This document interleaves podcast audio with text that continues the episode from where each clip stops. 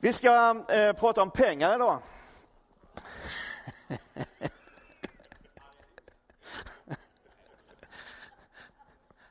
Ett halleluja fick jag. Ehm, ja, man kan ju fundera på det, faktiskt någon som har frågat mig också under veckan, hur passar det in i det här ämnet med andra ögon? Och vi har talat om under några söndagar hur vi ser på andra utifrån ett gudsperspektiv. Vi har talat om hur vi ser på oss själva. Och vi har talat om hur vi med andra ögon kan se på vår vardag. Och vet du att grejen är att det här med pengar, det passar väldigt bra in, därför att det hör ihop med hur vi ser på pengar. Vår attityd till pengar och ekonomi och allt som rör det, hör ihop med hur vi ser på andra, på oss själva och på våra liv. Jag vet inte om du har tänkt på det, men vi svenskar har ett ganska komplicerat och komplext, skulle jag vilja säga, förhållande till pengar och ekonomi. Vi är sjukt intresserade av pengar. Eller hur? En av oss är det. ja, men vi är ganska intresserade av pengar, men vi pratar inte gärna om det. Eller hur? Vet, tidningarna har sådana här, eh, speciellt på, på webbtidningar, eh, det, det, kommer liksom varje vecka. Så här mycket tjänar kändisarna. Eller hur? Har ni sett det? Ingen har sett det, ni läser inga sådana profana tidningar. Nej. Eller nu häromdagen så så mycket tjänar mellokändisarna. Så mycket tjänar OS-stjärnorna. Och om du nu är så jättefrom så att den enda tidning du någonsin läser är, är, den kristna dagstidningen Dagen, så kan jag tala om för dig, för att för något år sedan så hade till och med Dagen så här, så här mycket tjänar pastorerna i Sveriges tio största församlingar. Vi är intresserade, jag brukar kolla. Klart man vill veta, speciellt de här, det som sedan jag flyttade till Enköping, det ska du ju bara veta. När det dyker upp så här i, i någon tidning, så här, det här är de rikaste i din kommun. Åh, vad jag kollar, jag vet precis vad du tjänar. men men vi, vi frågar inte någon, gärna, vi svenskar, liksom, hur mycket har du i lön? Det gör man bara inte, eller hur? Lite konstigt, men intresserade, men försiktiga är vi. Jag vet, många av oss gillar att skicka ut små signaler så här i livet om att vi har det rätt gott ställt. Liksom, vi, vi köper tröjorna med de här små märkena som antyder att vi minsann har råd. Eller hur? Åh, oh, du hade ett sånt märke på din tröja. Jag ber om ursäkt, det var inte... Men grejen... Men det är ju dessutom så, alltså vi gör ju gärna, jag också, jag har också sådana tröjor. Men om någon kommenterar så här, snygg tröja, ja men då är det alltid på rea vi har köpt dem. Vi, vi sänder ut signalen att jag har råd, men om de säger snygg tröja, ja det var på rea.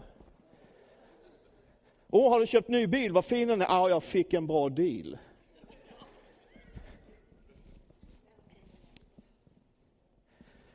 Pengar är väldigt privat i vår kultur.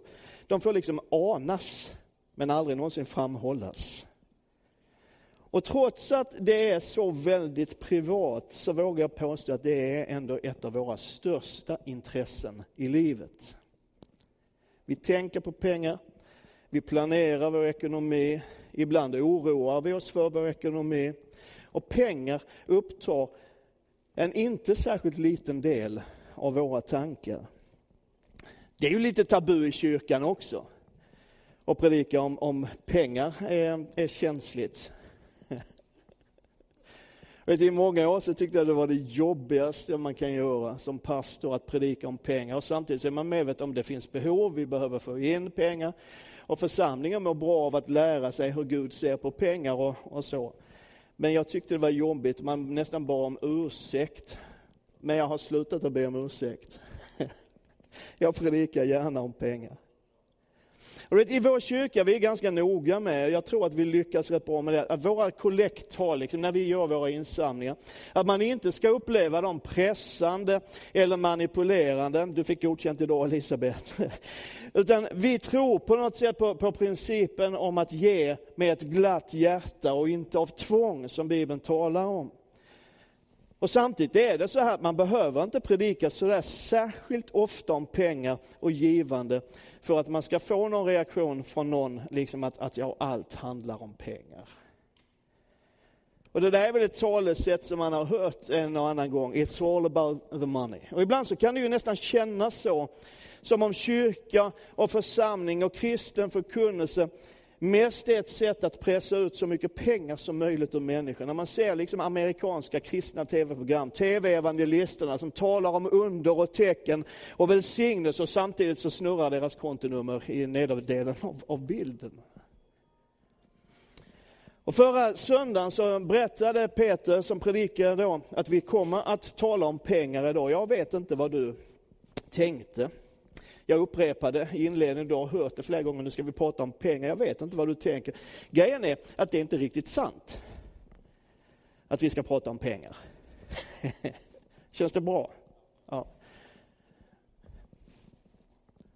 Därför att i Guds rike så handlar det ytterst sett inte om pengar. It's not about the money. Det skulle man kunna ha som underrubrik på dagens predikan. Därför så här säger Jesus i Matteus 6 och 21. Där din skatt är, där kommer också ditt hjärta att vara. Det vill säga, det du värderar högst, det du sätter värde på, det du satsar på, det som är din skatt i tillvaron, dit följer ditt hjärta med. Och Jesus säger det här i ett sammanhang när han talar om ägodelar och pengar. Och grejen är att Bibelns undervisning handlar betydligt mer om var vi har vårt hjärta och vad som verkligen betyder någonting än om pengarna och ägodelarna i sig själv. Och det är viktigt att komma ihåg. Och samtidigt så är det så här att pengar och hur vi förvaltar dem hur vi förhåller oss till dem, det är en viktig del och en stor del i Bibelns undervisning, inte minst i Nya Testamentet. Vet du, det finns 36 liknelser i evangelierna som Jesus framställer, berättelser som han använder för att förklara saker. 36 sådana olika, en del är samma, men, men 36 ungefär så. 16 av dem handlar om vårt förhållande till pengar och ägodelar. Och faktiskt så är var tionde vers i snitt i Nya Testamentet handlar om pengar. Det finns fler verser i Nya Testamentet om pengar än vad det finns verser om tro och bön sammanlagt. Så när vi pratar om andra ögon så passar pengar ganska väl in i det. Det är en av de viktigaste områdena som Nya Testamentet undervisar om. Så pengar är viktigt, eller rättare sagt vårt förhållningssätt, vår attityd till pengar är viktig. Och antagligen är det det därför att det är ganska få saker som tydligare visar vad vi har i vårt hjärta och var vi har vårt hjärta någonstans än vårt förhållande till pengar. Så vi ska tala om en sån aspekt av vårt förhållande till pengar idag. Vi ska tala om givande om tionde, eller det som man med ett gammalt ord kallar för offer. Och det kan tända en och annan konstig bild, men det betyder att ge. Så det, det är inte konstigare än så. Och vi ska också se på några myter, skulle jag vilja säga, missuppfattningar omkring givande, som är rätt vanliga, har jag märkt under de år jag har varit pastor. Men innan vi går in på de här myterna så skulle jag vilja bara påminna dig om hur väsentligt det är att konstatera att Bibeln talar om glädjen i att ge. Det är viktigt. Inte av tvång, utan med ett glatt hjärta. Så här säger eh, Paulus i Apostlagärningarnas 20 kapitel, 35 versen. I allt har jag visat er att man så ska arbeta och ta hand om de svaga. Kom ihåg de ord som Herren Jesus själv har sagt. Det är saligare att ge än att ta. Jag brukar ibland roa mig, jag vet inte om jag har gjort det här, men jag brukar ibland roa mig med att fråga, liksom om man citerar den versen, var någonstans i evangelierna säger Jesus det? Är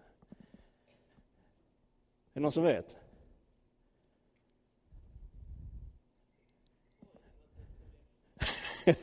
ja, det är inte så konstigt, för det står ingenstans i evangelierna.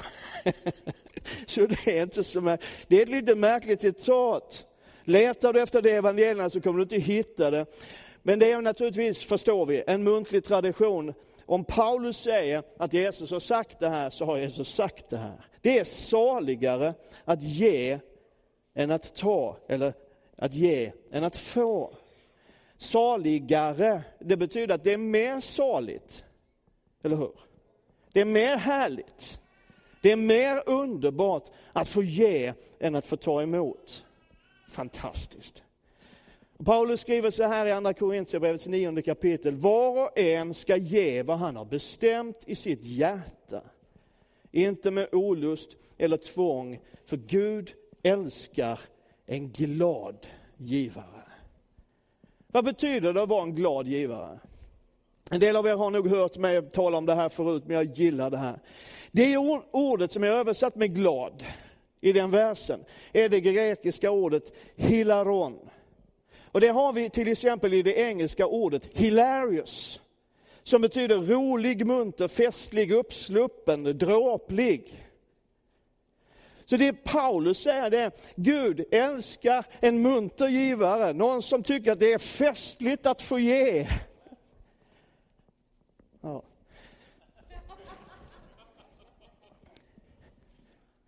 Och Nya Testamentet talar också om nåden eller privilegiet som det står i den engelska översättningen, att få ge. I Andra Korintierbrevets åttonde kapitel talas det om, om församlingen i Makedonien. Det var en fattig församling, de var hårt prövade, det var få församlingar som redan då hade utstått så mycket lidande, förföljelse och elände som församlingen i Makedonien. Men ändå så ville de vara med i en insamling som skulle hjälpa församlingen i Jerusalem som också började bli hårt ansatt. Och så står det så här, Paulus skriver, ivrigt vädjade de och bad oss om nåden att få vara med i hjälpen till de heliga i Jerusalem. Alltså det är som Paulus och hans, hans gäng tänker, ja vi ska skicka ut det här brevet, vi behöver hjälpa församlingen i Jerusalem. Vi skickar ett rundbrev till alla de andra församlingarna. Och så är det någon som säger, men du, församlingen i Makedonien. De har det rätt tufft själva. Vi, vi, det, det, funkar inte, vi kan inte be dem om detta. Men de själva hör talas om insamling och säger, vi vill också vara med. Ja, vi har det inte så, så fett, vi har det rätt så tufft. Men det är klart att vi vill vara med i nåden, i privilegiet att få ge. Det är lite andra ögon på givande än vad du och jag ibland kan ha.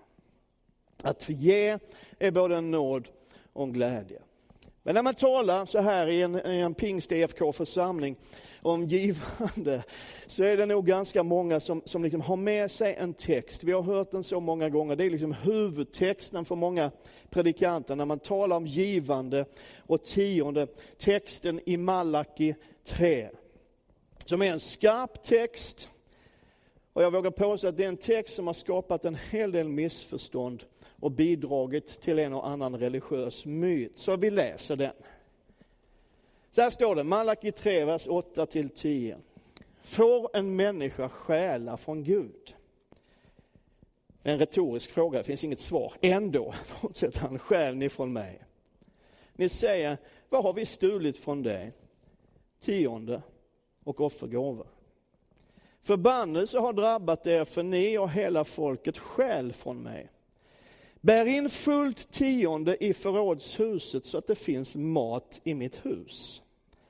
Pröva mig nu i det här, säger Herren Sebaot, om jag inte kommer att öppna himlens fönster för er och ösa ut välsignelse över er i rikt mått. Myt nummer ett. Jag ger för att bli välsignad. Är det en myt? Är det inte exakt det det stod här? Jag tror att det är ganska lätt att förstå eller missförstå faktiskt texten på det sättet. Någonstans så har vi lärt oss, många av oss, och speciellt vi som har funnits i, i relativt karismatiska sammanhang, lyssnat på många amerikanska predikanter. Vi har någonstans lärt oss, jag har, har haft det här med mig också, att om jag ger, om jag ger, så öppnas välsignelsens fönster över mig. Eller hur? Är det någon som känner igen den undervisningen? Några nickar, många nickar. Och någonstans så har det också funnits, inte alltid uttalat men lite underförstått, att om jag inte ger så förblir himlens fönster av välsignelse, eller the floodgates of heaven som den engelska översättningen säger, då förblir det stängt. Och jag drabbas nästan av förbannelse.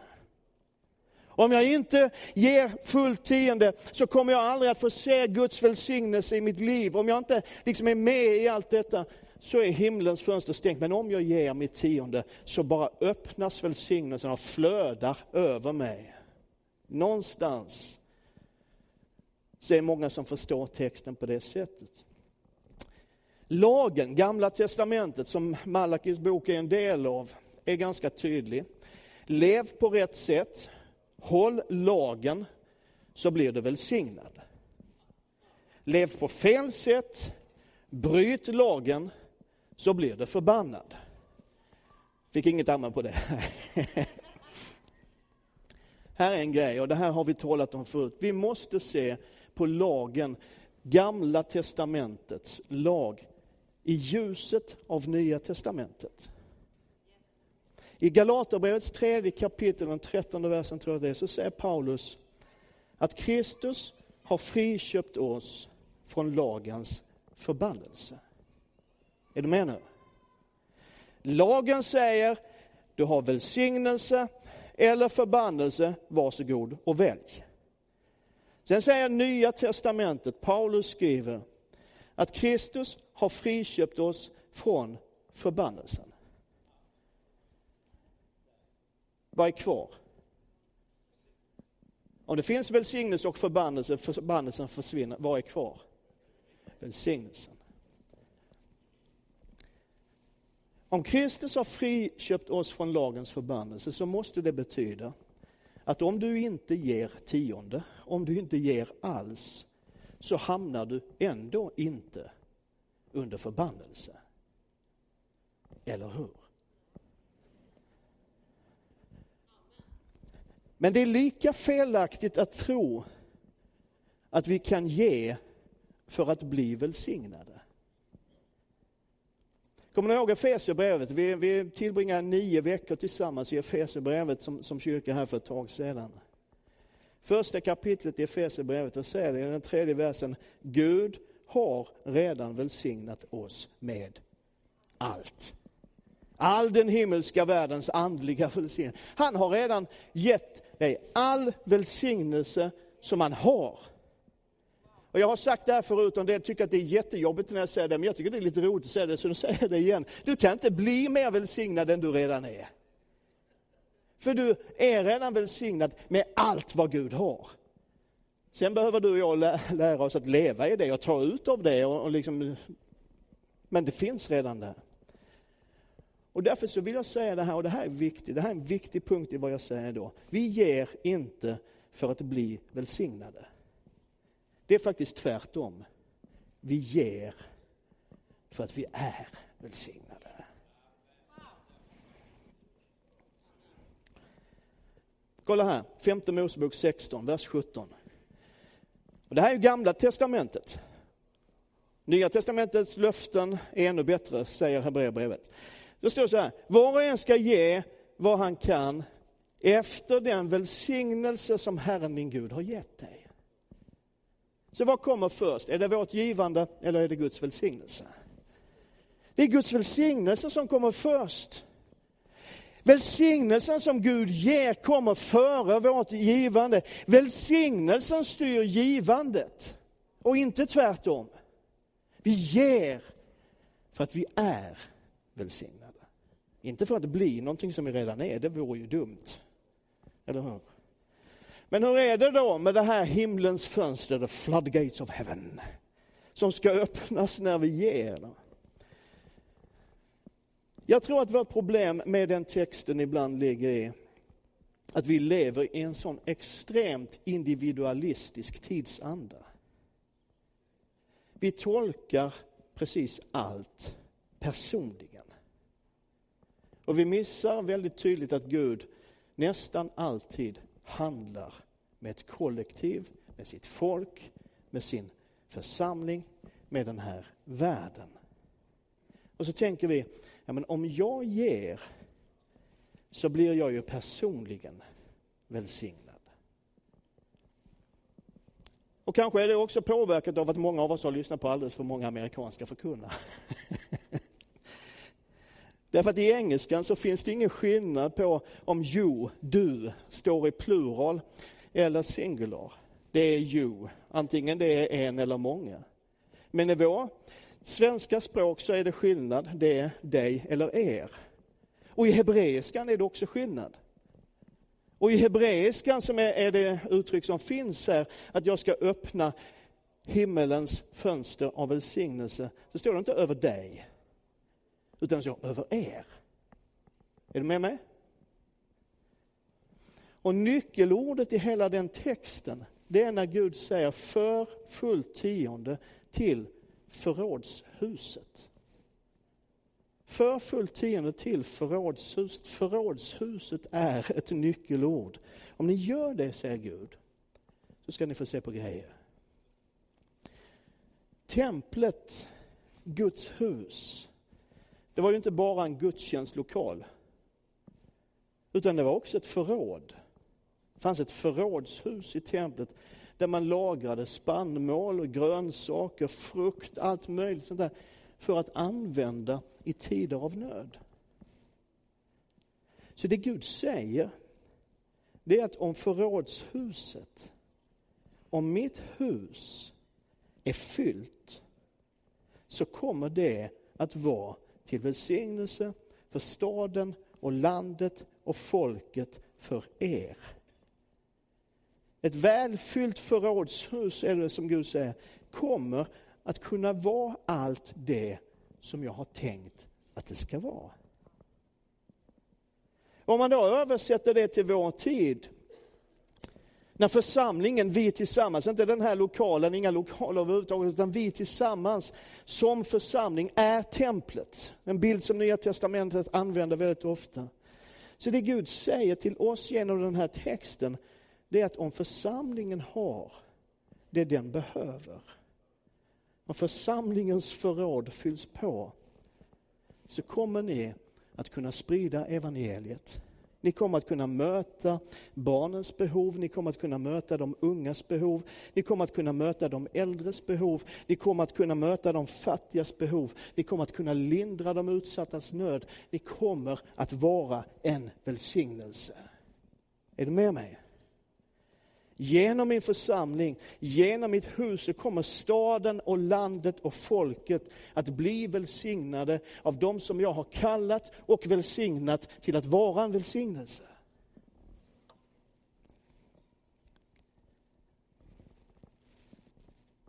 Så jag tror inte att det så mycket handlar om mig personligt. Om jag ger lite mer den, den ena gången i kollektboxen, så får jag liksom någonting extra ifrån Gud. Jag har redan fått allt av Gud. Men om jag ger lite extra därför att jag känner en hjärtats maning att göra det, så kommer det att bli till välsignelse. Och vi som församling kommer att kunna göra mer av det som Gud har kallat oss att göra. Det är ju det som är välsignelsen. Och det är det som är ett annat sätt att se på pengar. Att pengarna är inte till för mig. De handlar inte om mig, att jag ska berika mitt liv, att jag ska ha precis allt, den senaste grejen i varenda liten detalj i livet. Det handlar om att få vara i den här världen. Och vara till välsignelse. Vet, ibland funderar man på varför håller vi på och samlar på så mycket grejer? Och pengar och allt vad det nu är. Du vet, du är så välsignad så du fattar inte hur välsignad du är. Du lever i världens mest välsignade land. Vet du att om du har en vanlig svensk medianinkomst, en vanlig snittlön i Sverige, så är du rikare än 99 procent av jordens befolkning. Hur många miljarder människor finns det i världen? Är det sex eller sju? Sju är det va? Typ. Om du har en vanlig svensk snittinkomst, och det har de allra flesta av oss som är därtill, så är det bara 60 miljoner människor av alla dessa miljarder som är rikare än vad du är. Så du behöver inte ge för att bli välsignad. Du kan ge därför att du är välsignad. Det är tyst i ena kyrkan idag. Och grejen är att det här tänket, den slår också om förrådshuset, den slår hål på en annan sån här myt eller missuppfattning som jag ibland möter, inte jätteofta men ibland så möter jag den här myten som säger, jag ger dit jag vill. Och så menar man att, att mina fadderbarn, eller att jag stöder den där kristna organisationen, eller jag stöder den där kristna organisationen, eller jag ger till den där evangelisten. Att det liksom är en del av det tionde och din gåva till Guds verk. Men förrådshuset talar Gud om. Vad är förrådshuset? Jo, det är där du hämtar din andliga näring.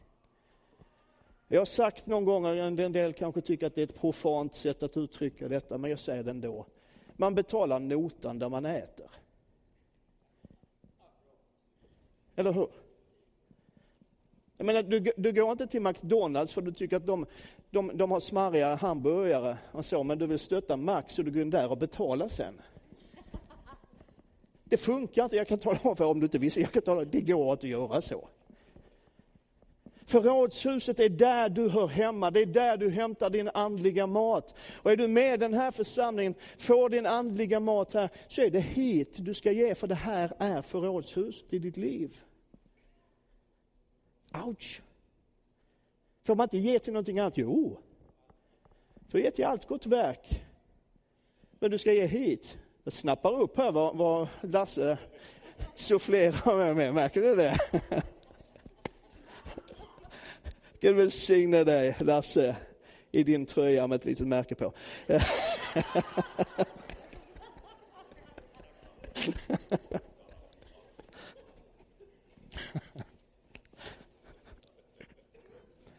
Jag känner honom rätt väl om du undrar. Så det, det, jag tror det är lugnt. Jo, han ser glad ut. Vi ger inte för att bli välsignade, utan vi ger Därför att vi är välsignade och vill vara en välsignelse. Myt nummer två. Tionde är lag i Gamla Testamentet men inte i Nya Testamentet. Har du hört det någon gång? Det har du säkert, för jag har sagt det. Och det är ju sant att tionde inte är lag, alltså att ge 10 procent av sin inkomst. Jag ska förklara det, det är det vad uttrycket betyder. Att ge tionde betyder att 10 procent av min inkomst ger jag till förrådshuset. Och det är sant att det är lag i Gamla Testamentet. Märktes om inte annat i Malakitexten som vi läste nyss. Men grejen är att principen att ge 10 av sin inkomst, den fanns före lagen. Bibeln berättar att Abraham som levde innan lagen var given, när han mötte en präst som hette Melkisedek, står i första Mosebok 14, så gav han honom tionde av allt.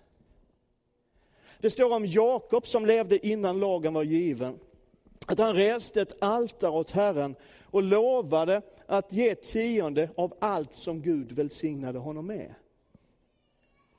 Flera hundra år senare så fick Mose lagen och delade den med folket. Och Det är också sant att i Nya Testamentet så nämns inte tionde som en tvingande lag. Faktum är att Jesus bara nämner tiondet vid tre tillfällen. Och ett av de tillfällena återkommer två gånger. Så det är vid två tillfällen. Men det Jesus säger om tionde, att ge 10 procent av sin inkomst det är att vi borde göra det. Är du med? Så här. Vi är skriftlärda och fariseer, era hycklare. Fina ord. Ni är tionde av mynta, dill och kummin. Det har jag aldrig gjort. Jag får bekänna det. Men försumma det viktigaste i lagen, rättvisan, barmhärtigheten och troheten. Ni borde göra det ena utan att försumma det andra. Vad säger Jesus om tionde? Han säger, ni borde ge tionde. Eller hur? Kan vi vara överens om att Jesus säger det? Och någonstans så, så för mig faller hela diskussionen, för den har jag haft ibland med, med en och annan kär broder och syster. Ja, men det, det står liksom inte att man måste. Nej. Men om jag nu säger, jag säger så här, Jesus är det viktigaste som har hänt i mitt liv. Det är det största som har hänt, att jag fick möta Jesus, jag fick bli frälst, född på nytt. Han är min Herre, han är min Mästare, det är honom jag följer. Jag står söndag efter söndag med lyfta händer och sjunger, jag lämnar allt till dig, du är kung, du är den högste, kom och regera över mitt liv. Om nu han, som jag säger att jag älskar av hela mitt hjärta, om han säger Hultsberg, du borde ge tionde. Så är det ju inte så där jättemycket att snacka om. Eller hur?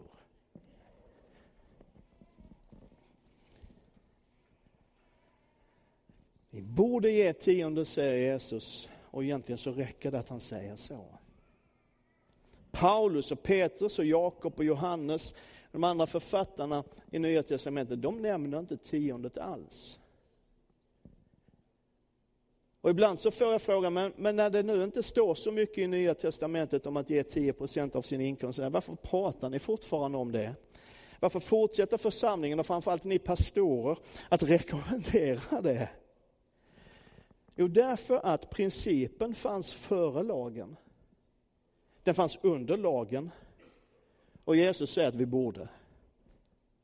Det är ett rättvist, solidariskt system och det skapar ordning och det skapar kontinuitet och det får mig på spåret. Därför talar jag fortfarande om tionde, även om Nya Testamentet inte säger att du måste, för du måste ingenting. Men du får vara med i glädjen att ge. Paulus skriver så här i första Korinthierbrevets 16 kapitel, vad länge jag har predikat redan och jag har 17 punkter kvar. När det gäller insamlingen till de heliga ska ni göra så som jag har föreskrivit församlingen i Galatien. På första veckodagen ska var, var och en av er hemma lägga undan och samla vad han lyckas få ihop så att insamlingarna inte görs först vid min ankomst. Det här handlar om en speciell insamling. Men principerna som finns här är jättebra. Lägg märke till de här uttrycken, att lägga undan, att samla ihop, att spara. Det handlar om planering, det handlar om kontinuitet, det handlar om goda vanor. Eller hur? Och tiondet, att ge 10 procent av sin inkomst, är en hjälp att få ordning och planering och kontinuitet i givandet till Guds verk. Myt nummer tre, det är faktiskt den sista myten, tror jag.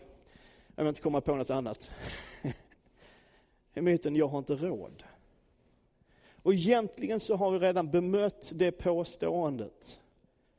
Lägga undan, samla ihop, planera. Men det jag vill bara nämna lite kort är det, att det handlar ju om hjärtat. Det handlar om prioriteringar. Vet, det finns tillfällen när jag kan tycka att jag har inte råd, men jag vet hela tiden, det handlar om mina prioriteringar. Och nu vet jag att det finns många runt om i vårt land och kanske också här och säkert också här som kämpar med sin ekonomi. Men låt mig få säga det jag säger nu utan något som helst fördömande, utan någon som helst vilja att skapa skuld. Jag talar egentligen bara om mitt eget liv och som jag ser det. Om jag sätter mig själv först, om jag köper först och främst det jag vill ha, om jag tillfredsställer mina egna behov och begär först och främst, så kommer det aldrig att finnas något kvar att ge till Guds hus. Det är min erfarenhet. För jag har upptäckt en sak i mitt liv och jag skulle tro att du inte är helt olik mig. Jag har upptäckt att mina begär är fullständigt omättliga. Alltså mina behov, verkliga eller inbillade, de är gränslösa. Jag behöver alltid den senaste modellen av iPhone, eller vad det nu är. Det finns andra telefoner också, ska jag säga. Man behöver alltid, alltså det finns alltid grejer som jag tycker att jag behöver. Men som jag faktiskt inte behöver. Bibeln talar om förstlingsfrukten, det är ett knepigt ord, men det betyder att ge först till Gud. Så här står det i Ordspråksboken. Ära Herren med vad du äger och med det första av all din gröda. Nu är det inte så många av oss som har någon gröda, men vi har klöver.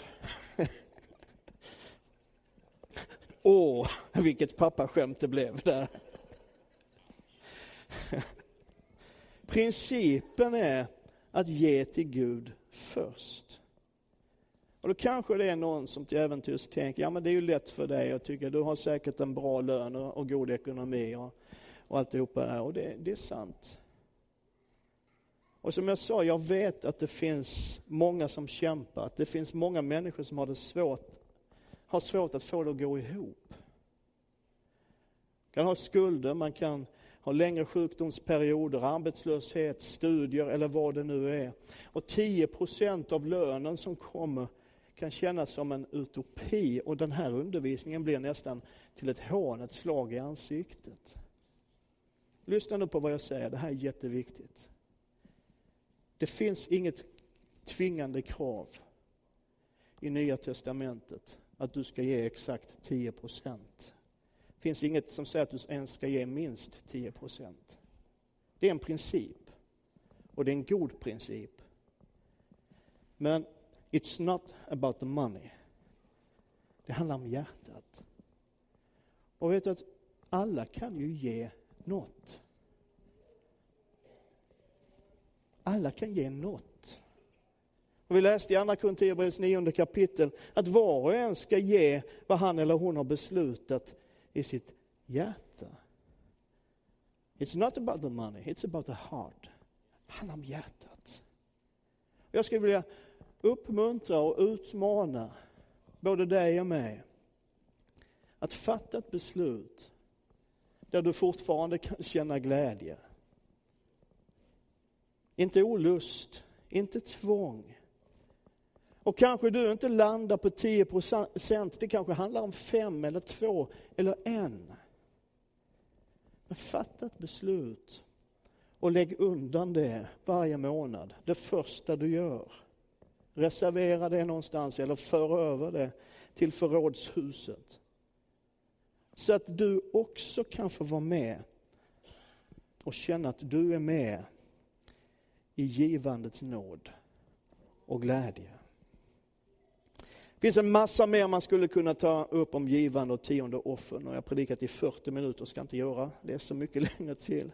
Det finns fler myter som man skulle kunna krossa, men vi ska stanna här nu. Men Jesus gör vår inställning till pengar och ägodelar och givande till en hjärtefråga. För Jesus handlar inte vårt givande om hur mycket vi ger, utan vad vi prioriterar, vad vi sätter högst. Och så säger han, samla inte skatter här, det har inget egentligt värde. Utan samla din skatt i himlen, satsa på det som verkligen betyder någonting. Och tiondet är en god princip, men det väsentliga är att vi ger med ordning, med planering, med kontinuitet och av hjärtat. För där din skatt är, kommer också ditt hjärta att vara. Amen.